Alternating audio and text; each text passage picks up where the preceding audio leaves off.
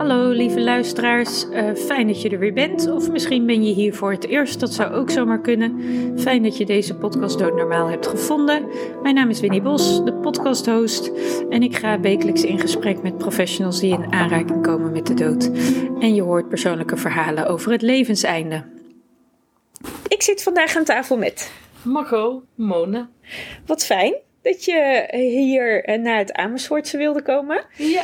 Um, wij hebben elkaar leren kennen via social media. Um, ik weet al niet meer uh, hoe lang geleden, maar ik postte iets en daar gaf jij een reactie op. En jouw reactie maakte mij zo nieuwsgierig um, dat ik eens verder ging kijken.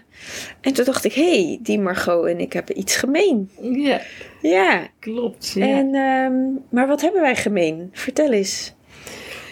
Uh, ik weet niet meer precies om welke post het ging. Maar um, wat wij denk ik gemeen hebben is, een, is sowieso een interesse in de dood. Daar waar veel mensen dat doodzwijgen, dat blijkbaar bij beide onze aandacht daar, wat ik van jou ook begrijp van kinds af aan, dat had ik ook, al naar uit is gegaan. Vast nog veel meer, maar dat hebben we denk ik sowieso gemeen. Ja, ja. ja klopt. Ja, wij zijn inderdaad uh, allebei van vrij jongs af aan dat die dood eigenlijk een ja, soort normaal gegeven in het leven is. Ja, bij mij kwam hij al heel vroeg langs. Op, hè, op een manier die uh, bij de meesten begint bij een opa. En wat bij mij trouwens ook begonnen is. Bij mijn lievelingsoom. Nee, dat is trouwens niet waar. Want ik had ze alle twee enorm lief. Maar mm -hmm. de ene oom heeft bij ons in huis gewoond. En die verloor ik op, nou, wat zal ik geweest zijn? Zes, zeven jaar. Daar zat ik eigenlijk op de heenweg hier naartoe aan te denken. Ik denk, wat was mijn eerste ervaring? En dat was dat. En wat, ik, wat mij nog bijstaat is dat ik... Um, ja, was ik verdrietig. Ik hoor altijd van mijn ouders dat bijna de eerste vraag die ik stelde was: eten we dan ook geen friet meer op zondag? Want die aten wij altijd als we naar oma gingen. Dus blijkbaar was ik niet zo verdrietig. Maar ik kan me wel herinneren dat er een, meteen een soort zwaarte hing bij iedereen. En ik begreep het allemaal niet zo goed. Dat was niet wat ik voelde. Dat, dat is mijn herinnering aan de eerste keer van de dood. Maar de eerste keer dat het echt heel veel impact op mij had. Um, nou ja, dat was denk ik ook wel waar ik dan over schreef en waar jij, hè, jouw aandacht door gevangen werd. Dat was toen ik, uh, even kijken, in 78, ik was 14, dat mijn zus is verongelukt. Hmm. En dat was echt, ja, dan heb je met iets te maken wat, waardoor mijn ritme en het ritme van iedereen om mij heen zo totaal verschillend was dat was, uh, ja, dat is wel absoluut heel bepalend geweest voor mij. En ja. ik denk ook omdat het toen gebeurde, dat alle keren daarna dat de dood langskwam, van een oom, van een tante, van, van iemand die voor anderen misschien verder weg stond, dat het bij mij veel meer binnenkwam, omdat ik die eerste ervaring had. Ja. Dus ja, het heeft voor mij ook wel een soort aantrekkingskrachten dood. In de zin van. Um, ik heb hem daarna nog, is hij nog heel veel in allerlei verschillende vormen langsgekomen. Een aantrekkingskracht in de zin um, dat ik vaak het gevoel heb dat mensen pas echt gaan leven als de dood heel dichtbij komt. En bij mijn zus was dat anders, want dat was van de een op gewoon midden in de zin, patsboom weg. Maar dat is wel wat ik ervaren heb. Ja. En dat vind ik heel mooi. Ja, ja dat, dat is ook hoe ik hem dus zie. Hè? Dus dat is als uh, dat de dood eigenlijk een omslag is in het leven van degene die achterblijven. Ja, en ook van degene die de dood in de ogen kijkt. Ja. Dat ook. Hè? En, uh, en dat is iets waar, um, waar op het moment mijn aandacht denk ik vooral naar uitgaat. Dat Weet je, we weten allemaal dat het leven eindig is. Dat weten we allemaal. Maar op het moment dat het je echt gezegd wordt van meneer, mevrouw uh, of, of hoe oud je ook bent, het gaat ophouden voor jou, hoe lang dat dan ook duurt, ja, dan gaat er echt iets gebeuren. Ja. Hè? Of dat iemand die jou lief is dat te horen krijgt. Maar het zijn natuurlijk twee verschillende perspectieven. Maar dan moet je haast wel nadenken over de tijd die je nog hebt. En, en dan heb je die neiging om alles uit te halen. En ja, ik vind het heel boeiend. We hadden het eigenlijk net ook al even over. Hè? Waarom ga je dan pas dingen doen of zeggen die je, die je ook nu al kan doen en die je leven enorm verrijken? Ja, ja het, is, het is eigenlijk wonderlijk, hè? Dat, dat, ehm, ik vind het wel mooi, volgens mij noemde je het woord doodzwijgen. Dat we eigenlijk in ons leven de dood echt doodzwijgen. Maar als je er sec heel erg naar gaat kijken, het zo het leven kan verrijken. Ja, Eh, want als je hem dan gaat omarmen, dan, ehm, dan krijgt het leven ineens een ander perspectief. ja, dat krijgt een heel ander perspectief. Ik weet nog toen mijn, eh, weliswaar is hij gelukkig niet dood gegaan, maar mijn partner die kreeg, eh, even kijken, dat is ongeveer 15 jaar geleden nou, kanker. En ehm, eigenlijk werd ook, ja, ze beginnen dan met getallen te noemen en, of te roepen. Het perspectief was niet zo best. De kans dat hij het zou overleven was niet groot. Mhm, mhm. Ehm, maar dat maakte dat wij heel erg. We zijn nooit zo samen geweest als in die fase van ons leven, denk ik. Dat we ook heel erg de, de, het verlangen om te blijven leven, of dat de ander blijft leven, hebben gevoeld. Veel meer dan. Ik bedoel, dat kan je wel eens vaker voelen in je leven, maar dat zo intens beleven, dat. Ja, ik vond dat heel mooi. Het heeft mij, mijn partner heeft het ongetwijfeld. Dat weet ik trouwens ook van mijn andere Ja. ervaren, die heeft het moeten ondergaan. Mhm. Ik had daar een hele andere rol in die reis. Ja. Maar ik vond dat een, ehm, een hele rijke tijd. Ja. Zwaar, intens, maar heel rijk. Hey, even terug naar eh, jouw eerste ervaring. Hè? Jij zei je was zo zeven. eh. Dat jij. ehm, ehm, hè, dat jij een ander gevoel had bij de zwaarte die je om je heen ervaarde. Eh, Kun je daar eens iets meer over vertellen? nou, wat- ik. Ja, wat bij mij opkwam is, en of het klopt weet ik niet hoor, maar dat zijn de woorden die dan nu Mhm. bij me opkomen. Eh, hè, we gingen naar de kerk, we namen afscheid van oma. En, en iedereen die ik kende, hè, mijn ouders, de ooms, tantes, ehm nou, neven en nichten waren een beetje mijn leeftijd en iets ouder. Ik denk vooral inderdaad de generatie van mijn ouders. Ik merkte dat ze, ehm, ze gedroegen zich anders als dat ik ze kende. En eh, alsof het allemaal een soort van zwaar moest zijn. Het was ook allemaal zwart gekleed. Hè? Iedereen keek bedroefd. Ehm, en terwijl ik, ik, ik, pff, dat was voor mij helemaal, ja, oma die was er niet meer. En ik snapte toen natuurlijk ook niet echt wat de dood was. Maar eigenlijk was het ook weer wel voor mij. Ik wist helemaal niet wat, wat dat was, dood zijn. Want ik zag er sowieso al heel vaak niet. Dus Mhm. wat, dat was niet eens zo heel veel anders misschien. En ehm, ik had eerder de neiging om een soort van te huppelen, dat weet ik nog. En mijn zus, die dus later is verongelukt, die, ehm, die was heel, ja, heel ondernemend type, heel nieuwsgierig van aard. En ik weet nog dat zij zich boog over de kist. En dat was toen met een soort, of een glazen deksel, geloof ik. Oh ja, had, oh, was dat Ja, nog in die was- tijd? Ja, ja. er is een tijd geweest. Kom nu bij me op. Ja, Ja, er is een tijd geweest waarin de kist inderdaad met een soort glazen of ja, een plastic deksel eh, werd afge, eh, afgeschermd, zodat je ook de overledene maar niet zou aanraken. Precies, kon je wel zien, maar niet. eh. En volgens mij ook, maar dat weet ik niet of dat klopt. Ik kan, waarschijnlijk haal ik beelden door elkaar. Maar in ieder geval, of dat nou in de kerk was of in, of in een rouwcentrum. Maar zij was nieuwsgierig en zij ging kijken.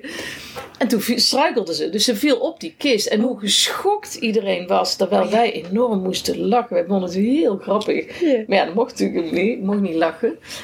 En dat... Ja, ik, ik kan er misschien niet eens zo heel veel meer over vertellen. Maar dat gevoel is me wel... Ja. Of eigenlijk kwam het vanmorgen pas terug. Is wel grappig. Hmm. Op weg hier naartoe in de trein heb ik nooit meer bij stilgestaan. Maar denk, Oh, ja, wat dat mooi. was wel wat het toen was. Ja. En ja, ja, maar ik vind het wel mooi wat het eigenlijk verbeeldt, is dat volwassenen met een andere blik kijken als kinderen.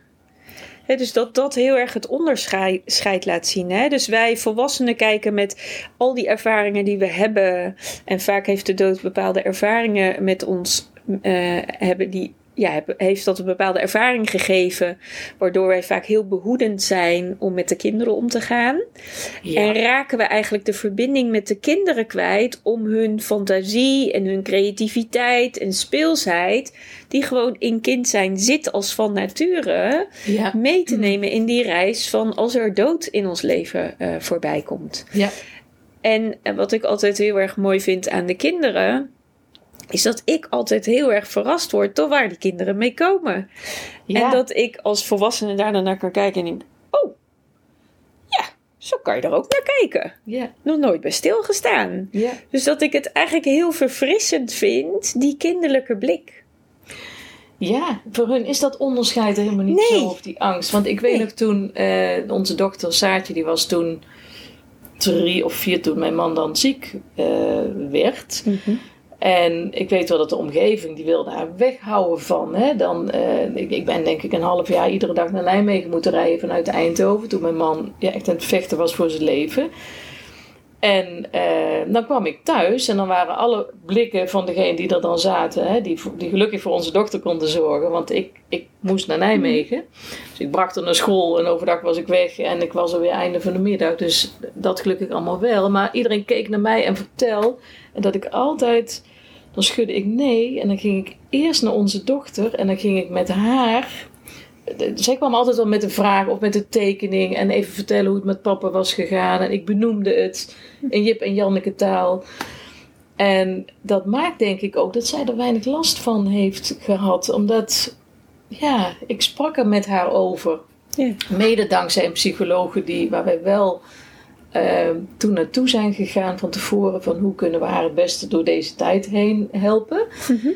En eh, zij werd aan zo'n zandbak, geloof ik, gezet. Hè? En toen bleek ook dat zij alle figuurtjes, die verstopte ze onder het zand. En de boodschap die wij meekregen was...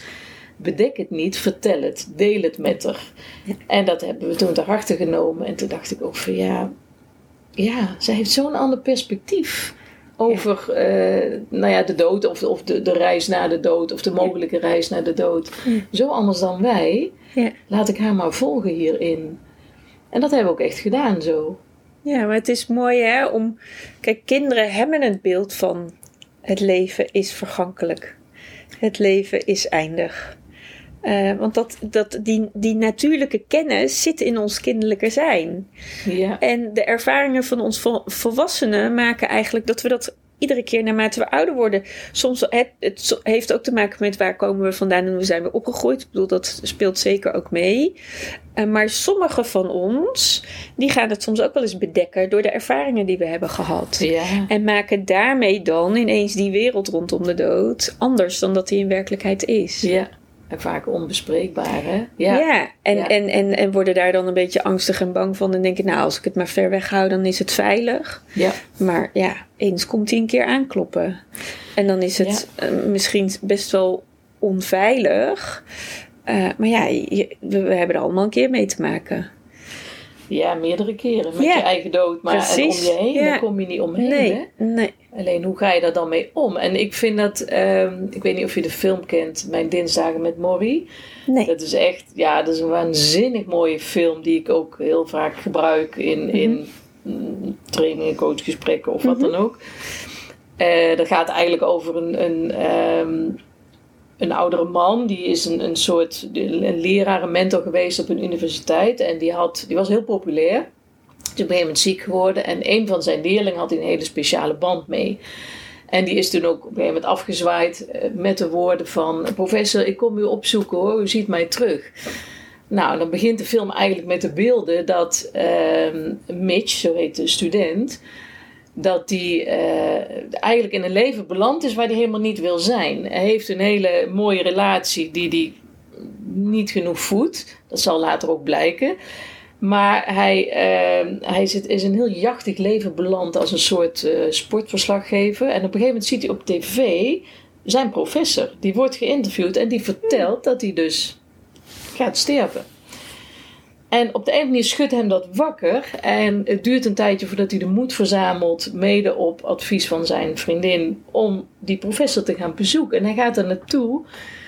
En op een gegeven moment gaat hij daar iedere dinsdag naartoe. Mijn dinsdagen met Morrie. En dan delen ze, de professor geeft hem eigenlijk alsnog een soort laatste levenslessen. Ehm, en uiteindelijk blijkt ook dat ze elkaar echt helpen. Dat, dat ze elkaar net, eh, de professor heeft hem net zo nodig als andersom. En dat is zo'n waanzinnig mooie film. En waarom vertelde ik dat nou? Ehm, omdat ik, en dat is iets wat mij heel erg bezighoudt. Hoe kun je zin geven aan de dood? Of hè, iets wat geweest is, of, maar vooral misschien wel gaat mijn aandacht uit naar hoe kun je zin geven aan ja, dat laatste hoofdstuk in je leven. Hè? Dus we weten allemaal dat het een keer stopt, zei ik net ook al, maar als het dan gaat stoppen en je weet dat je aan dat laatste stukje van je reis begint, hoe kun je daar dan zin aan geven? Mhm. En op de een of andere manier, ik heb meerdere vriendinnen verloren die te vroeg zijn overleden, veel te vroeg. En anderen ook, en ik merk dat ze steeds bij mij aankloppen, op de een of andere Mhm. manier. Ehm, en steeds gaat het daarover. Dan ga ik met ze wandelen en dan gaat het altijd over hoe kun je in verbinding zijn of komen met jezelf en met je gezin. In plaats van allemaal een eigen kant op te gaan. Wat bij ons vroeger ook gebeurde. Hè? Toen mijn zus verongelukte. Mhm. Was het ook eigenlijk ieder voor zich. Ja, was dat zo? Ja, dat was wel zo. Ja.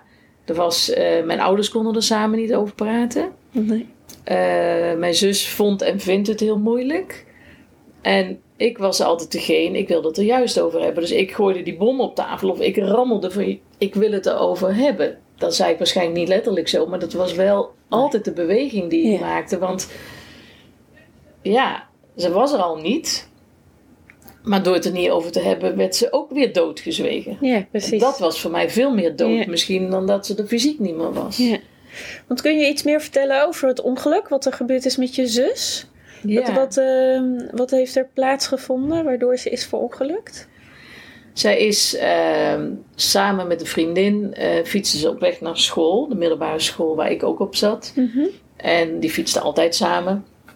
En ehm, op de weg reed een, eh, zo'n vrachtwagen met een oplegger waar auto's op stonden, die daar niet had moeten zijn. Die was verkeerd, maar die reed daar wel. Die wagen was dus ook te breed voor die weg eigenlijk.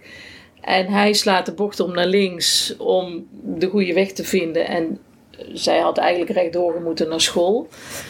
En hij raakt haar, dus hij schept haar eigenlijk. En eh, nou ja, dat is niet heel fraai wat er toen allemaal gebeurd is. En ehm, ik reed daarachter. In de zin, niet direct erachter, één stoplicht erna kwam ik eraan. En ze was op slag dood. Maar ik weet nog dat ik eraan kwam fietsen en dat ik dacht, oh, een ongeluk moet niet kijken. Ik wil niet kijken. En dan toch kijken. En eh, ja, dan zie je, je, je ziet het beeld. Maar het drong totaal niet tot me door wat daar gebeurd was. Ik, ik weet nog dat ik toen dacht, oh, nou, ja, dan zal ze wel niet meer voor niet mee op vakantie kunnen. Zo. Van, misschien moet ik wel even een, een rol... Nou, hele rare gedachten allemaal. Drong echt niet tot me door. En eh, toen ben ik ook weggehaald door de ouders van een andere vriendin die daar woonde, net op dat stukje die straat. En ik weet nog dat ik door de politie werd ondervraagd, die, die allemaal heel ongemakkelijk deden. En ik begreep werkelijk niet wat er aan de hand was. Achteraf was ik in shock. Ja, Maar zo klinkt het. Ja. dat, ja, dat was ook zo, maar dat Ja. had ik natuurlijk helemaal niet in de gaten toen. Maar eigenlijk vanaf het begin dat door niemand iets gezegd werd, benoemd werd, wat heel verwarrend was en ook niet veilig voor mij. Nee. Eh, ik was 14, Rian was bijna 16. Eh, zij zat in de vierde, ik zat in de tweede van dezelfde school. En ehm, eigenlijk thuis werd pas verteld dat ze dood was. Hmm. Ik weet nog dat ik, er was de buurman opgehaald en ik loop de gang binnen en mijn vader staat daar met, ik denk mijn zus en mijn moeder, weet ik niet zeker. Ons Rian is dood. En terwijl ik eigenlijk wilde vertellen wat ik gezien had, wat ik meegemaakt, een ongeluk. En dat ik dacht van, huh? Toen heb ik ook een dag niet kunnen praten. Gewoon geen geluid uit. Ja, een shock, echt een shock. Ja. En ehm, ja, dat was natuurlijk een bom die insloeg bij ons thuis en op school en met alles. Ja. En, en het, het mooie gezin was in één keer helemaal uit elkaar gerukt in feite. Het was niet alleen dat zij er niet was, maar heel de verbinding was weg. Ja. Het bord werd weggehaald en mijn ervaring was, achteraf heb ik met mijn zus over gehad en die heeft het anders ervaren, maar mijn ervaring was dat er helemaal niet meer over gesproken werd. Zij had het er met mijn moeder over, maar dat wist ik niet. Dat hoorde ik pas later toen ik die film ging maken. Ehm, maar we hadden het er niet meer over. Nee. En hoe was dat dan op school? Want jij zat in dezelfde, op dezelfde school oké, wel in een andere klas. Ja. Maar hoe werd daar op, op school mee omgegaan? Want dat is, heeft natuurlijk, natuurlijk ook voor zo'n klas enorme impact. Ja, dat was. ehm, ehm, ik heb nog steeds contact met twee vriendinnen. De een die Mhm. er langs fietste en- en de Mhm. andere die eh, bij haar in de klas zat. Mhm. Dus, eh, Rianne en Fonny zaten in een klasje van acht, stamklas, met, met, weet je wel, dat je dan wat vakken deelt Ja. in grotere klassen. Maar ook daar werd gewoon niet meer over gesproken. Ze was weg en er was zo'n groot ongemak bij iedereen, bij alle ouders. eh, dus voor, voor dan, ja, afschuwelijk was dat. En voor Ingrid net zo goed, die, die, die, die fietste altijd eh, met Rianne naar school, die zat dan in een andere klas en ze was er in één keer niet meer. Het leven gaat door, maar ze was er niet meer. Nee. En voor mij was het, ik liep langs dat klasje en je ziet die lege plek daar. En vervolgens word je wel geacht eh, hè, de- op te letten bij Latijn of Grieks of natuurkunde of wat je dan ook, eh, welk vak je dan ook had. Ja. Nou, dat ging natuurlijk helemaal niet. En nu in deze tijd, hè, dan heb je daar eh, teams voor. eh, daarom hè, ben ik zo voor die methode van Irene. Dat delen is helen. Maar ik had gewild dat dat er toen was. Ja, Daar werd gewoon niet over gepraat. nee. Niemand durfde. nee. Hebben we het over Irene Kersten, hè, die een heel mooi Ja, boekje Irene heeft. Kersten, ja. Ja, die een Ja. heel mooi boekje heeft geschreven en die ik ook in deze serie heb geïnterviewd. Ja, Over haar methodiek die zij heel graag aan docenten en begeleiders op scholen geeft. Om te zorgen dat het gesprek open blijft over een verlies wat aanwezig is. En dat jongeren met elkaar daarover in gesprek. Want toen ik die film heb gemaakt, toen eh, ben ik eigenlijk pas met Fonny en, eh en Ingrid erover in gesprek gegaan. En dan denk ik, waarom daarvoor niet? We hebben wel contact gehad Mhm. toen. Maar eigenlijk heeft ieder het voor zich ja. En- gehouden. En wat, die- film, eh, vertel daar eens over, want je hebt, eh, ik heb hem gezien. Mhm. Ehm, je hebt beide vriendinnen van je zus geïnterviewd hè, daarin. Ja. Nou, ik werd wel heel erg geraakt door wat daar eigenlijk op tafel kwam. ja. Eigenlijk dat besef in het hier en nu van dat toen, hè, wat, wat er toen gebeurd is en wat nu in het hier en nu ineens nog weer heel veel oprakelt. Wat, wat, hoe, hoe was dat voor jou om te doen? Om, om zo met hun in gesprek te zijn en dat vast te leggen? Ehm, heel bijzonder. Want, ehm, ja, weet je, ik, ik kwam eigenlijk bij die film omdat ik ooit in een, in een, marketing, een dure marketingtraining zat. En toen werd gevraagd, waar sta je over een paar jaar? En eh, de een na de ander riep, daar heb ik zoveel verdiend. En dan is mijn e-maillijst eh Oh ja. verdiend, waar- weet Dat ik is veel. heerlijk van die getallen waarvan ik dan denk, oké, is dat dan waar het allemaal over gaat? Ja, of, of Ja. ik heb een team opgebouwd en Mhm. ik. Het was bijna alsof het eh, de- buiten mezelf omging. Ik weet nog dat ik mijn vinger opstak. Hè? Op de een manier doe je dat dan toch nog. En dat ik zei: Dan heb ik een film gemaakt. Hmm. En iedereen begon te lachen, want een heel verrassend antwoord. Maar ik moest zelf eigenlijk ook lachen. Ik denk, maar goh, hoezo heb jij een film gemaakt? Dus ik keek eigenlijk zelf om van, oh, vertel. Ik, ik wist het zelf niet. Nou, toen kwam ik een paar maanden later kwam, er, eh, kwam ik een klein advertentietje tegen in de krant. En dat ging over een, een plaatselijk filmhuis. En die bood de gelegenheid om mensen, ja, eigenlijk van boven de 65, waar ik nog helemaal niet in voldeed, maar goed. eh, om een film te maken over hun leven naar aanleiding van foto's, brieven, filmpjes die ze hadden liggen. Nou, zo ben ik daar eigenlijk in beland. En eh, dus het was een, een, eh, ja, een projectje eigenlijk. En ik wilde het overal over hebben, behalve over ons Rian, omdat ik dacht, oh, daar heb ik het al zo vaak over gehad. Mhm. Ik wil nu wel eens iets anders. Dus mijn insteek voor die film was ook, was helemaal niet per se, ik wil een documentaire of iets over haar leven maken, maar het, een, projectje was het. Ja, en het ging over haar. Zo stond ik er eigenlijk in. En toen wij daar, eh, wij zijn op de oude school gaan filmen, hè, waar, ze, waar we allemaal op hebben gezeten. En toen realiseerde ik me eigenlijk pas wat er al die tijd niet gezegd werd. Dus dat raakte mij ook. Maar tegelijkertijd was ik wel de regisseur en de filmer. En ik, ik moest natuurlijk wel bijblijven. Wat ook ging hoor, da- daar niet van. Maar daar wa- was ik eigenlijk helemaal niet, helemaal niet bij stilgestaan van tevoren. Dat dat bij hun nog zo leefde. En dat zelfs soms pas nu het deksel eraf ging. Ja. Dus ik was ja, wel heel blij eigenlijk dat ik dat heb kunnen doen. Want het heeft denk ik wel heel veel opgeleverd voor hun, maar ook voor anderen die daarna gekeken hebben. Ja. Want er werd alsnog iets besproken wat toen te moeilijk was. Ja. Ja, eigenlijk werd er, op, werd er over het oude verhaal weer iets geheeld. Ja, absoluut. Ja. Ja, ja. dat was, dat, dat- ja, dat was echt heling, inderdaad. Ja. ja. En, en wat het, vond ik ook wel heel erg zichtbaar maakte. Wat als je het niet bespreekt doet voor de tussentijd. Absoluut. Ja, want je draagt het wel echt met je mee. Hè? En eh, dat zag je bij eh, hè, mijn moeder, mijn zus en de vriendinnen. Bij mezelf natuurlijk ook. Hè? Ik wil mezelf ook niet buitenspel zetten. Ehm, ja, want ik, dat heeft in ieder geval de film mij opgeleverd dat er verbinding kwam. Ja. En dat is ook, als er iets is wat ik ehm, graag wil doen in het leven, is leer, ja, leren, alsof ik het allemaal zou weten. Nee, maar op de een of andere manier anderen daarin bijstaan of helpen of wakker maken. Hoe zij verbinding kunnen krijgen in, in zo'n fase waarin het zo hard nodig is. ja. Omdat ik die zelf gemist heb toen. Nou ja, ik denk dat jij heel erg ervaren hebt wat de impact is van het doodzwijgen. Om hem dan maar even zo heel Ja. plat te zeggen. Ja, En dat klinkt heel hard, maar dat, dat is soms wel wat er gewoon letterlijk gebeurt. Door het doodzwijgen wordt er echt, ehm, ja, hoe moet ik dat zeggen? Dat heeft consequenties, hoe dan ook voor de toekomst. ja, En je weet dan niet wanneer dat zich gaat manifesteren, maar ergens onderweg in je leven gaat dat zich manifesteren. Doordat je vastloopt, of doordat je ziek wordt. Of weet je, er is altijd een manier waardoor ons systeem gaat zeggen: ja, maar wacht even.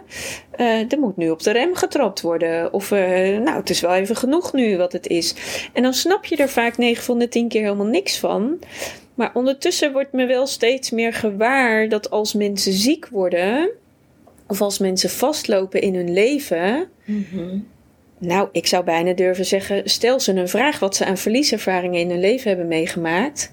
En geheid dat er linkjes zitten. ja, absoluut. Geheid dat er linkjes zitten van Ja. eh, niet bespreekbaar, iets wat ze heel als heftig hebben ervaren.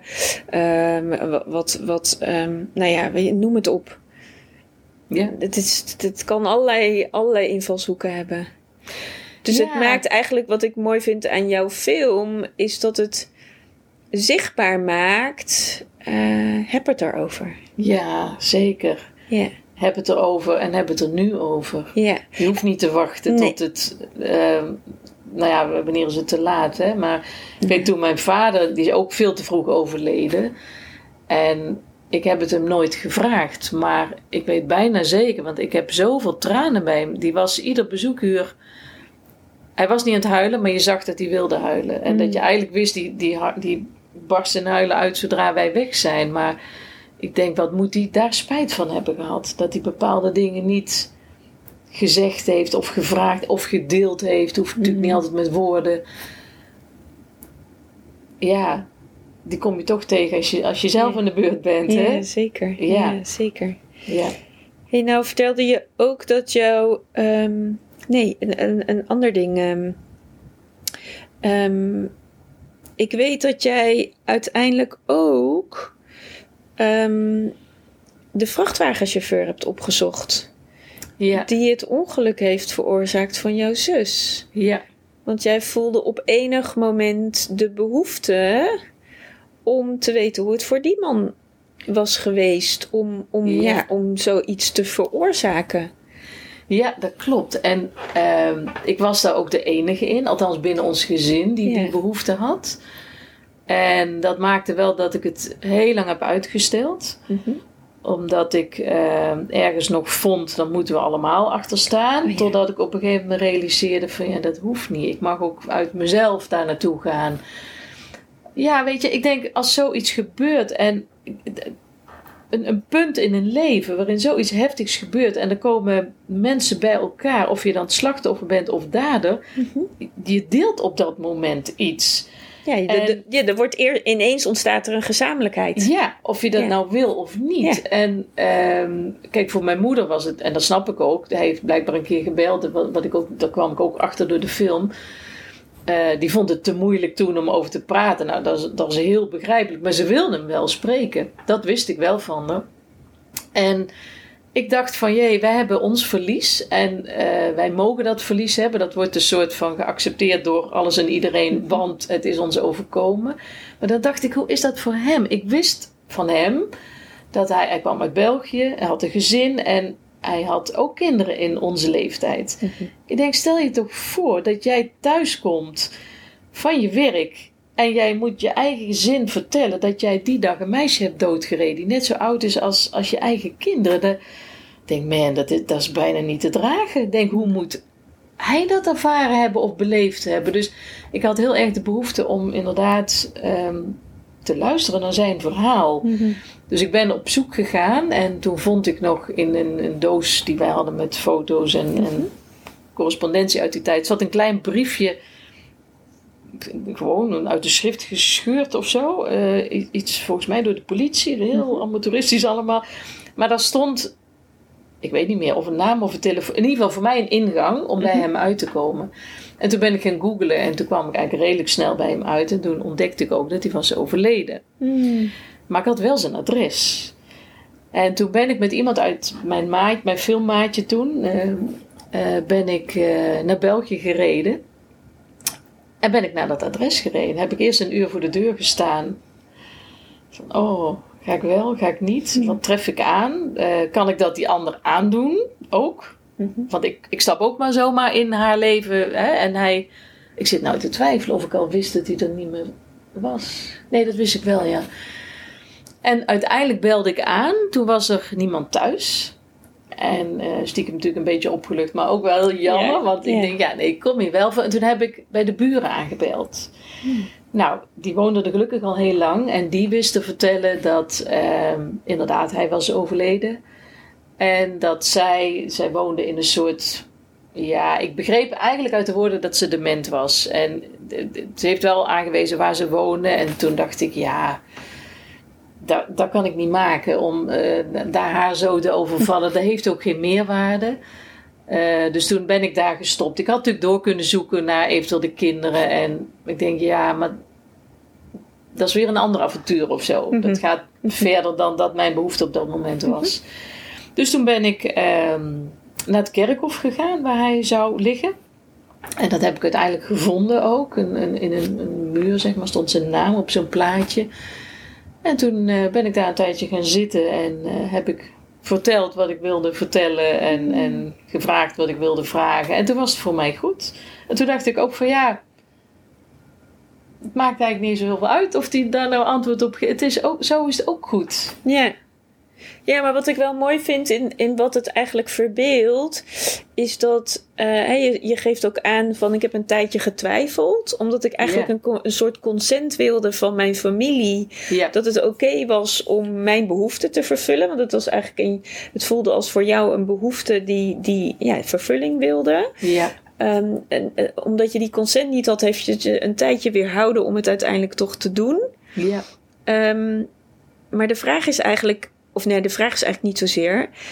Het feit is, is dat we in ervaringen rondom de dood allemaal andere behoeftes hebben die vervulling vragen. ja, En het enige wat daarin noodzakelijk is voor ieder van ons in dat geheel, is om te voelen waar, waar wij ieder individueel behoefte aan hebben en dat te volgen. ja, Want we kunnen het ook niet allemaal gezamenlijk doen, want we zijn allemaal anders en we hebben allemaal andere behoeftes en verlangens daarin. ja, Maar dat het wel heel erg belangrijk is dat je daarin trouw mag zijn aan wat voor jou oké voelt.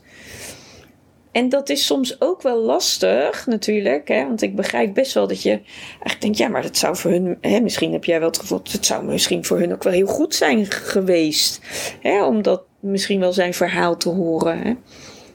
Ehm, maar het is die, die, omdat we, we zijn allemaal zo anders en we hebben allemaal zulke andere behoeftes. Maar trouw zijn aan je eigen behoeften is daarin essentieel voor je eigen verliesverwerking. Ja, nou daar heb ik me ook wel, ehm, dat heb ik er ook van geleerd, zeg maar.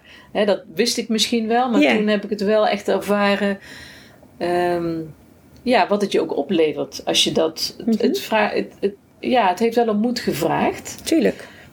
Maar het leverde heel veel op.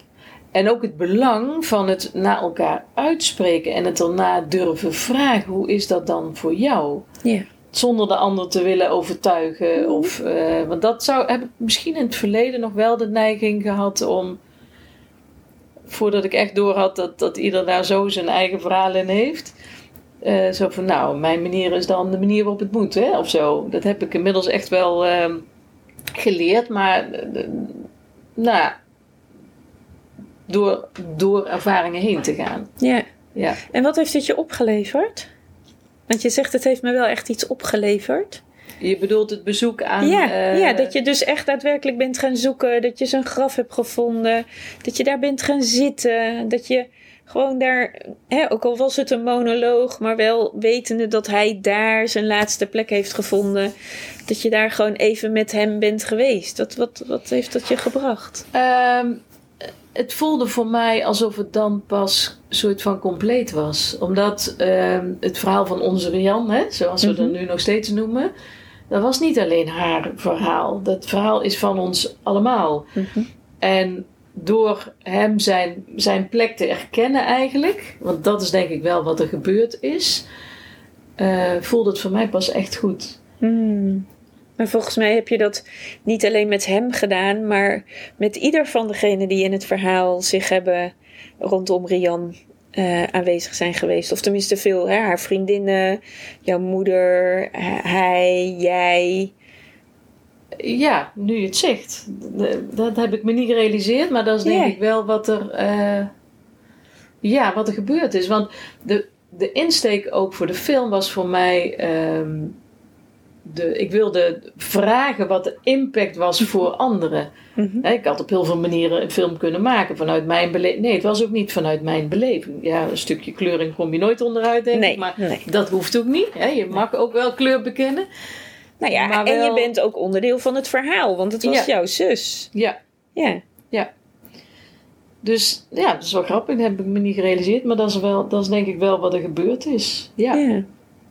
ja. ja. het, was een, het was een heel mooi project. Ik heb daarna, toen was ehm, de Dutch Design Week in Eindhoven. En toen heeft hij ja, een dag of tien of zo, ik weet eigenlijk niet precies, gedraaid in het uh, NatLab in Eindhoven. Hmm. En daar heb ik heel veel reacties op gehad van mensen die ik niet kende. Maar ook van mensen die ons van vroeger kenden, eh, buren, die nu ook nu hun eigen stem konden laten horen, hoe moeilijk het voor hun toen was. Ehm, leraren van school die mij gebeld hebben van sorry, sorry, sorry. Ik zit hier met schaamrood op mijn kaken te kijken naar en me te realiseren hoe wij jullie hebben laten vallen toen. Hmm. Niet bewust, maar dat is wel wat er gebeurde. Dus ook dat ehm, ja, heeft, heeft ook een plek gekregen eigenlijk. En ehm, dat heb ik me niet van tevoren gerealiseerd toen ik het ging maken. Maar dat is wel wat het op heeft geleverd. Ja, dus wat het eigenlijk gewoon heel erg zichtbaar maakt, is dat ieder verlieservaring eh, of ieder verlies een enorme kring van mensen om zich heen heeft. Ja. En dat wij gewoon ons, en dat is niet met opzet, maar vaak ons niet bewust zijn van hoe groot die kring is. Hè? Jij noemt het al buren, eh, eh, leraren, maar er zijn misschien ook wel meer mensen uit de klas van haar geweest, of misschien wel uit jouw klas of van de school in andere klassen, waar het een reactie heeft opgeleverd, die misschien niet Ja. hun stem eh, durven laten horen. Maar wij leven het, wij denken altijd, ja, maar wij leven ons leven in ons gezinnetje en dat kringetje daaromheen. Maar wij zijn meer dan dat. Ja. Hè, we zijn eh, allemaal verbonden met elkaar en al die verbindingen ehm, geven een respons als daar iemand in wegvalt. Ja, dat, nou dat is grappig, want het beeld wat nu bij mij naar boven komt. Ik heb, eh, nadat ik die film had gemaakt, heb ik eh, iemand geassisteerd die een groepje begeleidde in een bejaardentehuis, demente bejaarden, die ook een filmproject mochten maken. Nou, ik kan je vertellen, dat is een hele uitdaging, uitdaging geweest, want als wij dan, hè, het was een serie zeg maar van acht bijeenkomsten, en als we de tweede keer kwamen, dan wisten ze niet meer dat we de eerste keer. Dus het was, je moest continu in Ja. het moment. Ja. En een van de deelnemers, ehm, toen dacht ik, ik ken haar. Maar zij had ook iets naar mij. Dat kon je gewoon merken. En op een gegeven moment hoorde ik haar naam. En haar zoon kwam er een keer bij ook. En toen bleek dat zij, zij woonde recht tegenover het ongeluk. Ze heeft het ook allemaal meegekregen. Oh. En ehm, zij is degene die altijd naar mijn moeder is toegegaan. Van hoe is het nou met jullie Margot? Dat is degene die een, een soort van heel erg... Die wel door heeft gehad van... Dat heeft denk ik meer impact op haar gehad dan jullie allemaal in de gaten hebben of hadden. En dan denk ik, dan ontmoet ik haar dus in zo'n... Ik vond dat, dat vond ik zo gaaf. Ik kon het niet meer... Ja, ik heb het volgens mij meer met haar kinderen over gehad toen. Mhm. Omdat zij... Ja, ook wel met haar. Maar goed, er was dan een, meer een gevoelsuitwisseling, denk ik, dan dat het echt om woorden ging. Maar ik denk, wat mooi, hè? Ja, dus, het, dus, dus wat, wat ik zo mooi vind, is dat het leven is, is geen toeval. Hè? Het, het leven is echt, je krijgt wat je nodig hebt. Ja, om, ja, je krijgt wat je nodig hebt. Hè? Ik wilde zeggen om het rond te maken, maar dan betekent het dat alles altijd een soort van opbrengst moet hebben. Maar dat Ja, is ook nee. niet zo. Precies, ja. Ehm, maar het, ja, ik geloof niet in toeval. Het is geen toeval dat je haar dus weer in zo'n project te- tegenkomt. eh. nee, hè? Nee. Ja, Nee. ik vind dat echt cadeautjes. En, die zijn er heel veel, als je ze maar ziet of wil zien. Of Zeker. Zo merk ik ook heel vaak via LinkedIn op de een of andere manier dat ik best heel vaak eh, dat iemand naar me toe komt, een, een klant of een potentiële klant, en dan blijkt het iemand te zijn die of bij Rianne in de klas heeft gezeten, Mm. of in een soort parallel. Ik denk dat was zo'n klein groepje van al die, nou ja, hoeveel mensen kunnen reageren op een post die. eh, Ja, ik, dat vind ik dan. ja, maar dat is mooi. Wat het ook verbeeldt, hè, is dat. eh, ik heb wel iets met het woord verbeelden, geloof ik, in dit Ja. gesprek. Nou ja, nee, maar wat het, Ja. wat het heel mooi zichtbaar maakt, is hoe verbonden en hoe aanwezig Rian nog in het leven van het hier en nu is. Ja, precies. En dat je dan dus wel mensen die er niet meer zijn kunt doodzwijgen. Maar kijk eens naar de aanwezigheid van hun in het hier en nu. Ja, Dat is toch ongelooflijk? ja, ja, dat is. En het is ongelooflijk, hè? En terwijl ik dat woord zeg, denk ik: nee, het is niet ongelooflijk. Het is eigenlijk fantastisch. Ja. Want dat maakt de magie van het leven. Ja, ja, En dat maakt ook dat, ook al is zij er fysiek niet meer en kan je het gesprek met haar niet hebben, en toch is ze er.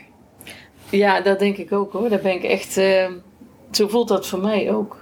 Ja. Ja, ze is er in, in herinneringen, ze is er in, in de, de verbindingen die, die zij destijds gecreëerd heeft. Die, in feite bestaat het nog. Ik weet nog toen mijn moeder dan laatst is overleden. Toen ehm, haar vriendje van toen, en dat was een, nou die hebben eigenlijk maar heel kort iets gehad. Van carnaval tot 10 mei. Mhm. Nou wat is dat? Twee Ja, maanden Ik of wil zo. het zeggen, dat is heel Dat kort. is heel kort, hè? Maar toch, misschien juist wel omdat ze weg is gevallen, eh, zijn we altijd heel erg in verbinding met hem gebleven. Ook misschien wel tien jaar niet gezien, maar het lijntje is er. En wij stuurden een rouwkaart en toen reageerde die er ook op van... Ja, hij, hij zag het. Hij was zo geschrokken van de kaart. Hij zei, het voelt gewoon alsof het mijn eigen schoonmoeder is. Ja. Dan denk ik, na zoveel jaren... Ik, Ja, dat gevoel van toen is... Dat is ook gebleven. Ja. Ja, Ja. Ja. Ja, want jouw, je noemt het even, je moeder is recentelijk overleden. ja. Dus jouw, jouw ouders zijn nu allebei niet meer eh, bij leven. Nee, nee.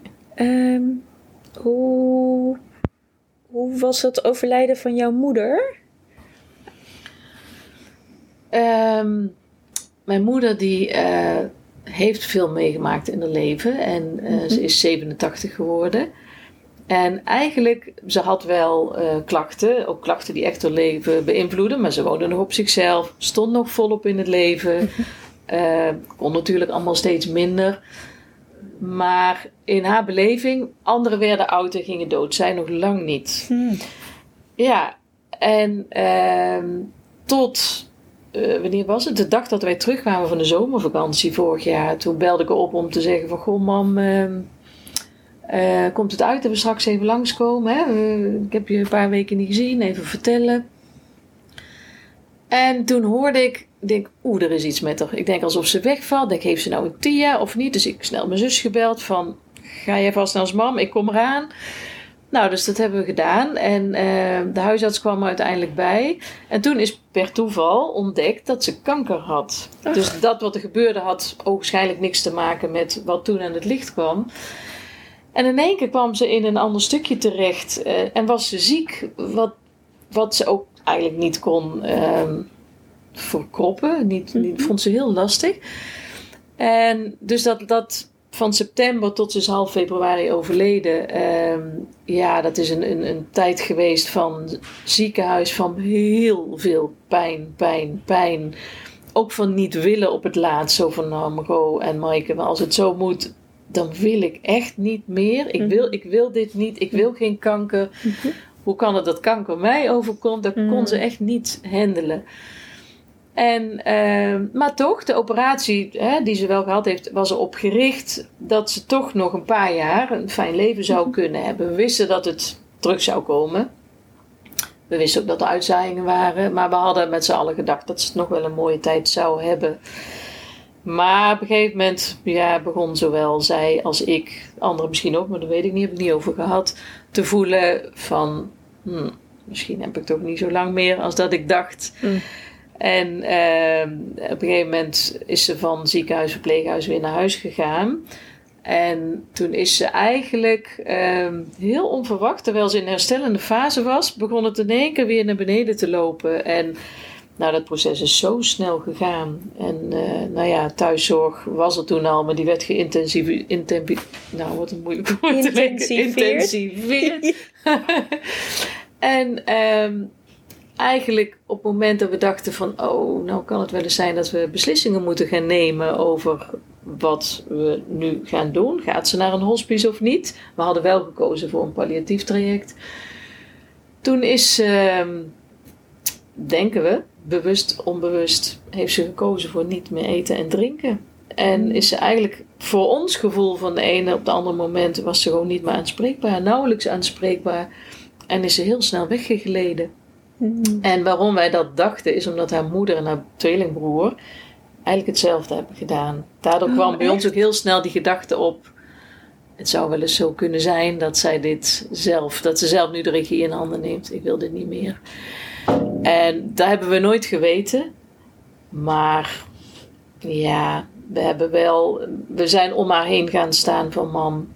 ehm, wij volgen jou hierin. Wat best moeilijk was, hè? want de thuiszorg die wil eten, drinken, geven. En Ja, dat moet, er- dat moet er dan wel in. eh, Ja, ja, dat, en je daar mag niet dus zomaar versterven. hebben wij niet meer toegestaan. Nee. Ja, dat was. ehm, Was, dat, was dat makkelijk om, om dat met de thuiszorg af te stemmen?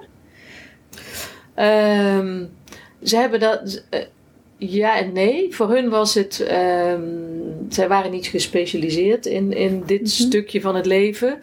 Maar ja, op het laatst ga je ook niet meer switchen. Het waren allemaal lieve mensen die Mm. ook heel duidelijk zoiets hadden. Wij, wij willen jullie helpen. En Zeker ons man. Dus uiteindelijk hebben we dat echt wel kunnen bespreken. Ja, Hmm. of ze het misschien. Ik denk dat de een wat, het wat meer aan heeft gevoeld dan de ander. En dat is prima. Ja. Dat is prima. Het maakte wel, en dat vond ik soms wel moeilijk, dat, ehm, dat wij zelf echt die keuze moesten maken. De huisarts die. Ja, de- jullie eh, moesten eigenlijk namens je moeder spreken, omdat zij dat zelf niet meer kon verwoorden. Ja, ja. Ja. En de huisarts die haar eigenlijk zou, begeleiden, eh, zou begeleiden, die haar ook van haven tot gort kende, die was door omstandigheden eh, eh, niet aan het werk in die weken. Eh, dat was best lastig voor ons, hè? want dan heb je te maken met een vervangende huisarts die ook enorm zijn best deed, maar die wordt ook in één keer ergens ingestort waarvan hij het verhaal niet kent en die moet ook inschatten wat is hier aan de hand. Dat vond ik wel eens lastig. En tegelijkertijd wist ik ook van, ja man, dit is wat jij, dit is jouw weg. En eh, wat er ook, of dat, al duurt het weken, ik ben ook niet meer weggegaan toen. Hmm. Ik denk, dan blijf ik bij jou in huis slapen en wonen. En, eh, en we zien wel hoe lang het duurt. En achteraf bleek het, nou, een, een week denk ik. Kleine week. Een dag of vijf heeft het dus eigenlijk best heel snel. Heel snel, ja. ja. best heel snel. Maar interessant dat Ja. haar tweelingbroer, zei je, en haar moeder, En haar moeder. die hebben het ook op deze manier ja, gedaan? Ja, wist ik niet. Oh, Dat heb ik nu. Ja, soms Oh, komen die verhalen dan pas tot je. Eh, dat wist ik niet. En van een buurvrouw, een vriendin, hoorde ik dat ehm, mijn moeder heel vaak tegen haar had gezegd toen, toen mijn oma hè, eh, in de laatste fase was, dat mijn moeder tegen iedereen zei: stop met eten en drinken, want ze wil niet meer. En iedere druppel, iedere slok is een paar uur extra worstelen. En ik was heel blij dat die buurvrouw dat vertelde. Dat sterkte mij wel in. Want de feiten moesten wij wel aangeven, Mhm. niet maar eten en drinken. En dus daar was ik wel heel blij mee. Ik denk, oh, dan heb je Mm. toch nog even bevestigd gekregen of zo, hè? Ja, ja, ja. Dat, dat heeft mij enorm gesterkt. En ehm, Ja. ja, dus in die zin, ja, wat is worstelen? Ik, ik, weet je, ik vind ook bij bevallingen, je kan het wel allemaal plat spuiten en maar, ik denk, ga er doorheen. Maar ik moet, Ja, nee, nee, ik bedoel, ja, ja, ik heb hetzelfde. Ehm, kijk, ik, ik denk dat er, en dat vinden mensen een heel naar woord vaak om te horen, maar er zit schoonheid in dat laatste stuk. ja, En, en wat ik wel weer eh, mooi vind in, in, jouw verhaal en ook wel weer wat je moeder dan zo heel helder. Zij heeft het dus, hè, en, en wat eigenlijk ook laat zien hoe bepalend het is hoe wij zelf in de toekomst ermee omgaan. Ehm, eh, dat zij dus gezien heeft bij haar tweelingbroer en haar moeder van ja, stop gewoon met eten, want dan, eh, ja, dan is het eigenlijk heel simpel, want dan doet de natuur zijn werk. ja. Ja, want ons lichaam weet hoe het moet sterven. Daar hoeven we het echt niet bij te helpen. Maar het is het ongemak, soms ook hè, dat roggelen. En dat je denkt dat iemand pijn heeft. Dat je het niet kunt vragen hè, of kunt checken. Gaat het wel goed met je?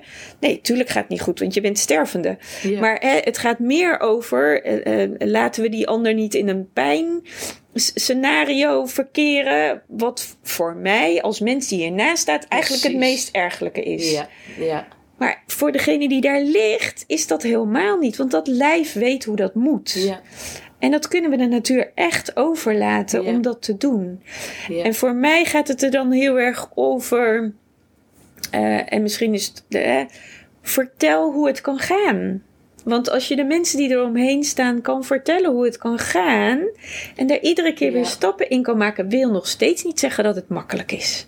Nee, Maar het, het, het, het, het erover zeggen dat sommige fases die zich voordoen en ontstaan een natuurlijk gegeven is wat sterven inhoudt, ja, dan kan het het wel anders maken. Dan gelijk maar eerst die spuit pakken en zeggen, hup, spuit erin, want ja, dan is ze weer rustig en dan komt het allemaal goed. denk ik, ja, ja, ja. oké. Ja. Ik, ik wil niemand veroordelen Nee, en ieder, nee, maar hè, er is recentelijk een artikel in de media gekomen dat er ongelooflijk palliatief wordt gesedeerd. En dat het extreem is ten opzichte van tijden voorheen. Hè, dus dat geeft ook iets aan dat we echt, we zijn de dood letterlijk aan het platspuiten. Ja, ik vind ja. het een nare eh, Ja. zin om te zeggen, maar Ja, het is nee, maar ik snap echt het hoe ik hem voel. Ja, En dan denk ik, nee, nee. nee, Maar, maar dat stukje, want hè, dat raakt me dan weer wat jij zegt. Ik denk, wij zijn niet, ja, dat, er is wel wat gezegd tegen ons, maar eigenlijk, heel, wij wisten helemaal niet wat Nee. we moesten verwachten. Gelukkig ben ik echt durven, heb ik durven vertrouwen in eh, mezelf en in mijn moeder Mm, op dat moment. En daar, daar ben, heb ik me echt door laten leiden. ja. Maar ik wist het niet. Er werd wel wat gezegd door de een wat meer dan door de ander. Ja. Maar eigenlijk heb jij nu meer gezegd dan dat mij toen verteld is. Maar daar, daar schort het ook aan, hè? Ja, het schort het aan. echt Ja. aan informatieverstrekking. En dat daar gewoon iemand is die daar oké mee is dat dat sterven er komt. Ja. En dat, weet je, en tuurlijk is het vervelend ook voor mensen in de zorg dat je al die mensen ziet overlijden. En dat je al die verliezen moet leiden. Ik snap het, dat is ook intens. Maar we kunnen er niet onderuit, want het is een natuurlijk gegeven. Het is, We hebben er gewoon simpelweg mee te maken. Ja. Dus laten we elkaar leren hoe we daarmee kunnen omgaan. Ja. Maar ook hoe we daar als professionals in de zorg, hoe lastig je dat dan misschien ook vindt, met elkaar wel goed ehm, voor onszelf mee kunnen dealen als professional. En dat je het als professionals met elkaar het er ook over kunt hebben. Om elkaar daar ook zelf zo in te begeleiden. Kijk, jij had het vertrouwen in jezelf. Dit kan ik. Mede ook doordat je je moeder goed kent. Ja. Maar hoeveel mensen hebben dat misschien wel en denken, ja, eh, maar, eh, weet je, en die raken in een vertwijfeling omdat Ja. ze de informatie niet ontvangen. Ja. Ehm, en dat ze natuurlijk som, ja, ik bedoel, het, alle dingen gebeuren zoals ze moeten gebeuren. En toch denk ik, informatieverstrekking, informatieverstrekking. En Neem bewust- mensen mee bewust Ja. bewustwording, Ja. weet je, vertel. Ehm, en laat mensen ook gewoon hun vragen stellen. En ga er, neem er de tijd voor om even mee te zitten.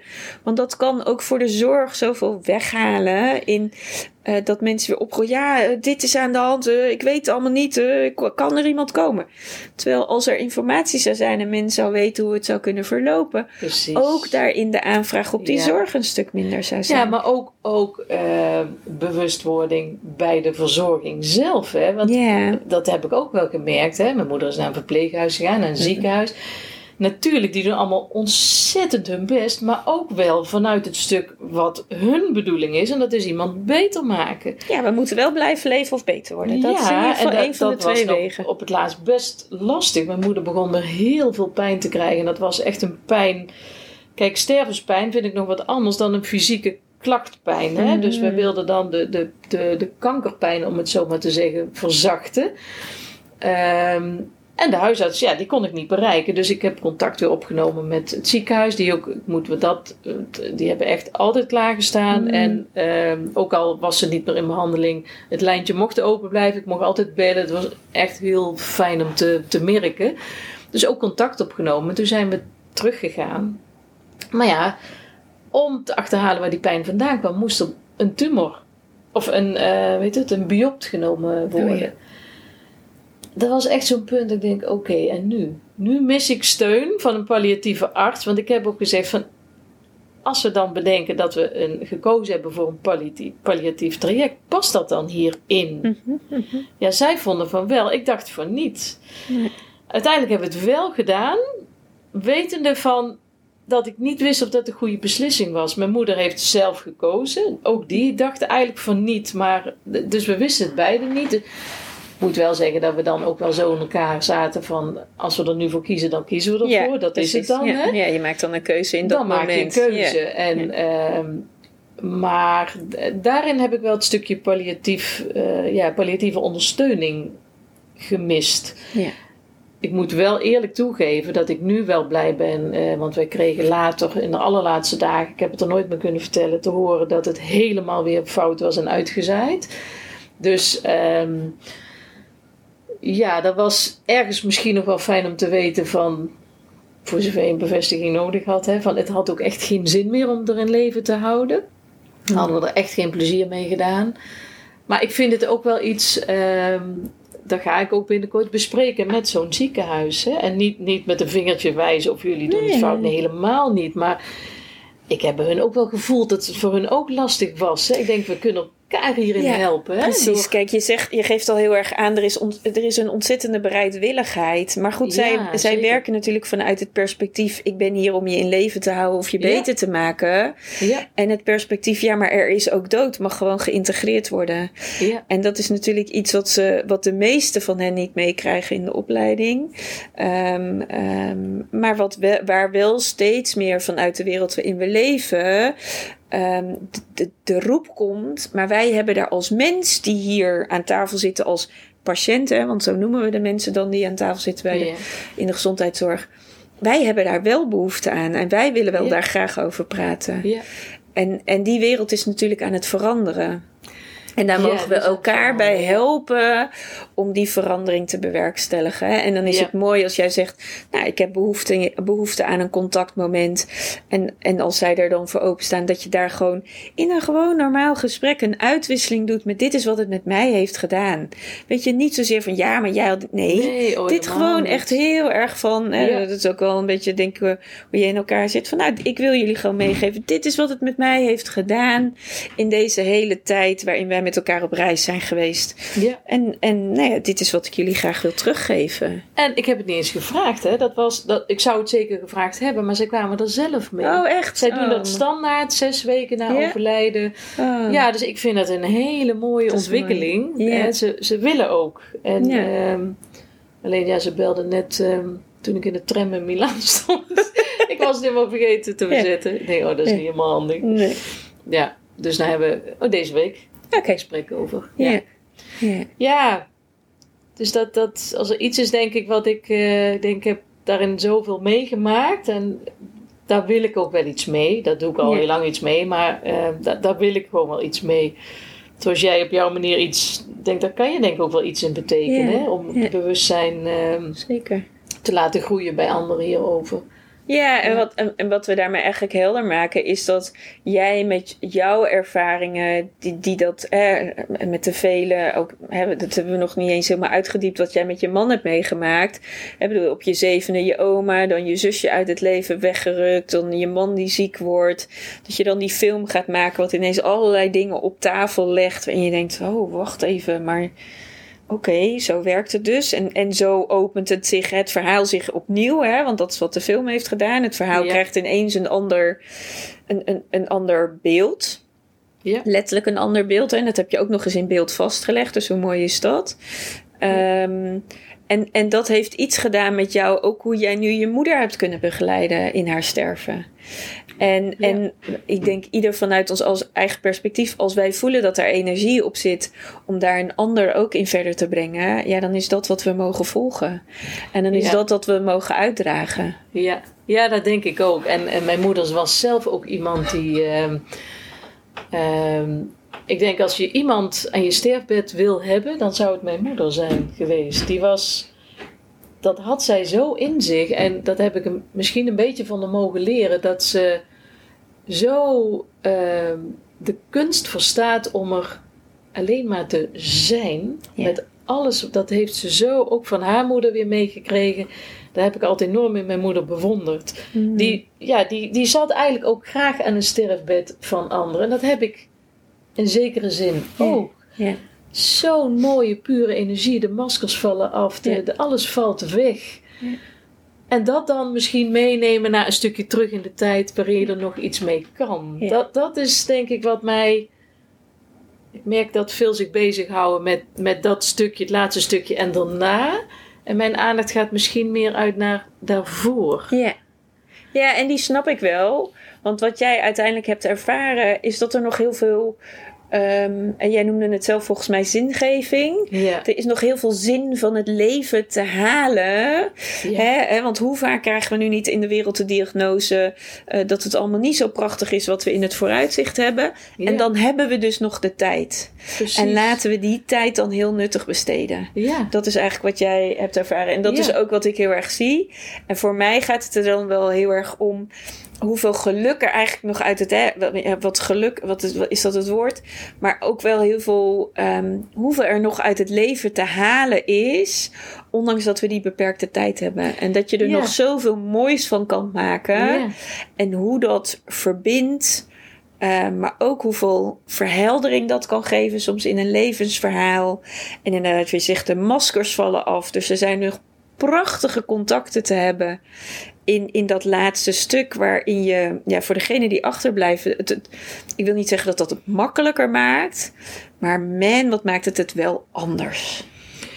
Ja, in ieder geval mooier in mijn beleving. En, en weet je, het is, natuurlijk kun je zo'n zo'n lijstje hebben van wat je allemaal nog wil doen voordat je doodgaat. Maar dat is niet Nee. waar ik het over heb. Maar wel het opruimen van dingen die, die zijn blijven liggen, die niet geheeld zijn. Die, ehm, ja, die maken dat je vrijer bent. Dat, dat je dat je ook iets mooiers achterlaat en meeneemt. Beide. Hè? Ik ben nu een heel mooi in de trein een, ehm, een heel klein boekje aan het lezen over.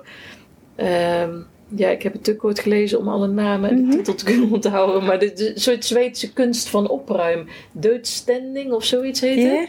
Dus het opruimen voordat je doodgaat. Ik vind dat zo waanzinnig mooi. En dat, dat wil ik ook meenemen in het Ja. een concept waar ik mee bezig ben over.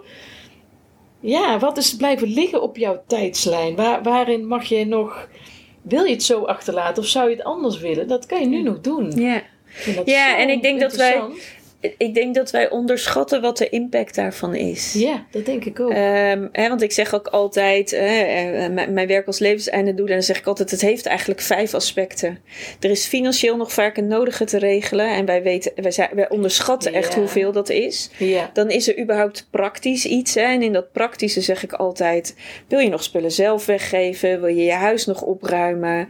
Eh, weet je, ja. dat, dat, dat klinkt heel bazaal, maar dat kan zo waardevol zijn. Dat je zelf nog uitreikt naar anderen. Kijk eens voor jou, of nou ja, whatever. Dan is er op het emotionele, het mentale en het spirituele stuk is ook nog echt heel veel te halen. In jezelf, maar zeker ook in verbinding met de mensen die om je heen zitten. En je, ja, je kunt soms verrast staan over wat daarin allemaal te halen is. Oh ja. Dat is, dat, Ja. dat- dat- ik, ik kan dat bijna niet in woorden vangen. Want het heeft iets te maken over de zijnskwaliteit. Hè? Ik, bedoel, ik, ik begeleid nu een echtpaar waarvan hij stervende is. Ja, ik, ik, ik heb nu een paar sessies met hun gehad. En zij zeggen, jij, jij, zij zeggen letterlijk: Jij hebt ons nu de, de ruimte gegeven. om te genieten van het stukje leven wat we nog hebben. Want we hebben rust Ja. op een deel wat we Ja. met jou hebben kunnen uitwisselen. Oh, mooi. Heel mooi. Ja, dan ben ik stil en dan, dan, dan weet ik gewoon ook even niet wat ik moet zeggen. Dan denk ik, ja, prachtig. Ik bedoel, Ja. ja, Ja. ja, maar hoe mooi is dat? Hè? En dat, ja, daar mag nog veel meer in gebeuren, denk ik. Hè? Dan, ja. Ehm, ja, dat vind ik heel mooi wat je doet.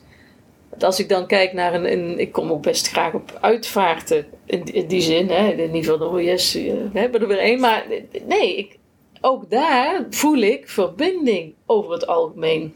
Ja. En dan denk ik, hè, dan wordt er vaak van meerdere kanten belicht wat iemand betekend heeft in iemands leven. Je krijgt dus het overzicht van iemands leven en dan denk ik, oh, waarom nu pas?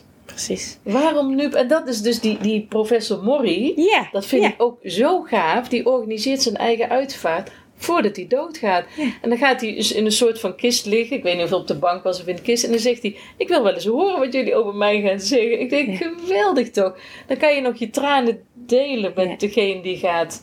Ja, ik vind dat, dat Ja. vind ik zo mooi. Nee, dat is wel grappig wat, eh, wat je daarmee zegt. En volgens mij zitten we dan heel erg in een soort afronding. Ik, ik plaatste laatst een post over dat ik eigenlijk het woord uitvaart. Ik krijg er bijna de van. Ja. Want dan denk ik, het, eh, alsof we de mensen uitvaren. Dan denk ik, nee, vier het leven Ja. van de mens. Ja. Want het gaat over dat die mens ongelooflijk veel betekend heeft in het leven voor iedereen die achterblijft. Ja. En dat is een, klinkt misschien raar, maar dat is een feestje waard. Want dat Ja. wat achterblijft, die impact, zit in al die mensen om diegene heen. Ja.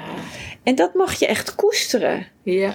Want als je diegene niet had gekend, had je het niet ervaren. Nee. Ja. En wat jij inderdaad heel terecht zegt, ik ben bijna eerder geneigd om te zeggen: als je nog in staat bent om die uitvaart naar voren te halen en te doen voordat je overlijdt, Ja. dan zou ik zeggen: doe het. Ja. Ja, ja, toch? want dat is toch fantastisch dat je nog even je kan omringen met de mensen die je dierbaar zijn. Ja. Ja. Want dan kan je dankjewel zeggen, of eh, nog even lachen, of nog even huilen. Ja. Ehm, maar dan doe je dat niet terwijl degene al dood in het midden ligt. Ja, ja, ik, ik, nou ja, dat dus. Ja. Ja. Ja. Dus laten we, dat, eh, laten we met dat motto eh, van vier het leven en ehm, ja. waarom pas bij de uitvaart, waarom niet gewoon Ja, daarvoor? Ja, precies. en geniet van elkaar. Ja, vandaag Ja. is een feestje. Ja, precies. Mag Ja. ik je heel hartelijk danken. Ja, jij ook. Dank Ja. voor de uitnodiging. Graag gedaan. Ja. Ja, heel bijzonder weer eh, wat we, waar we doorheen zijn gereisd. Ja. Ja. Dat was hem weer voor deze week. Eh dankjewel voor het luisteren. Fijn dat je er weer was. Ehm, mocht het nou zo zijn dat je vragen hebt of opmerkingen of suggesties of wensen voor onderwerpen of heb je gasten die je kunt aanreiken, dan sta ik er altijd voor open. Eh dankjewel als je met me mee wilt denken. Eh, hetzelfde voor het delen. Eh, deel het met je vrienden, bekenden, familie, eh, wie dan ook in je omgeving. Want hoe meer de verhalen verspreiden, ehm, hoe beter het is. Wie weet wat een ander eraan heeft. En ehm, mocht je het nou zo mooi vinden, de serie, dan is er ook een, eh, een Facebookpagina, de podcast Doodnormaal. Ehm, daar deel ik eh, allerlei verhalen, achtergrondverhalen over de podcast. Eh, dan heel welkom. En eh, voor nu, tot de volgende aflevering.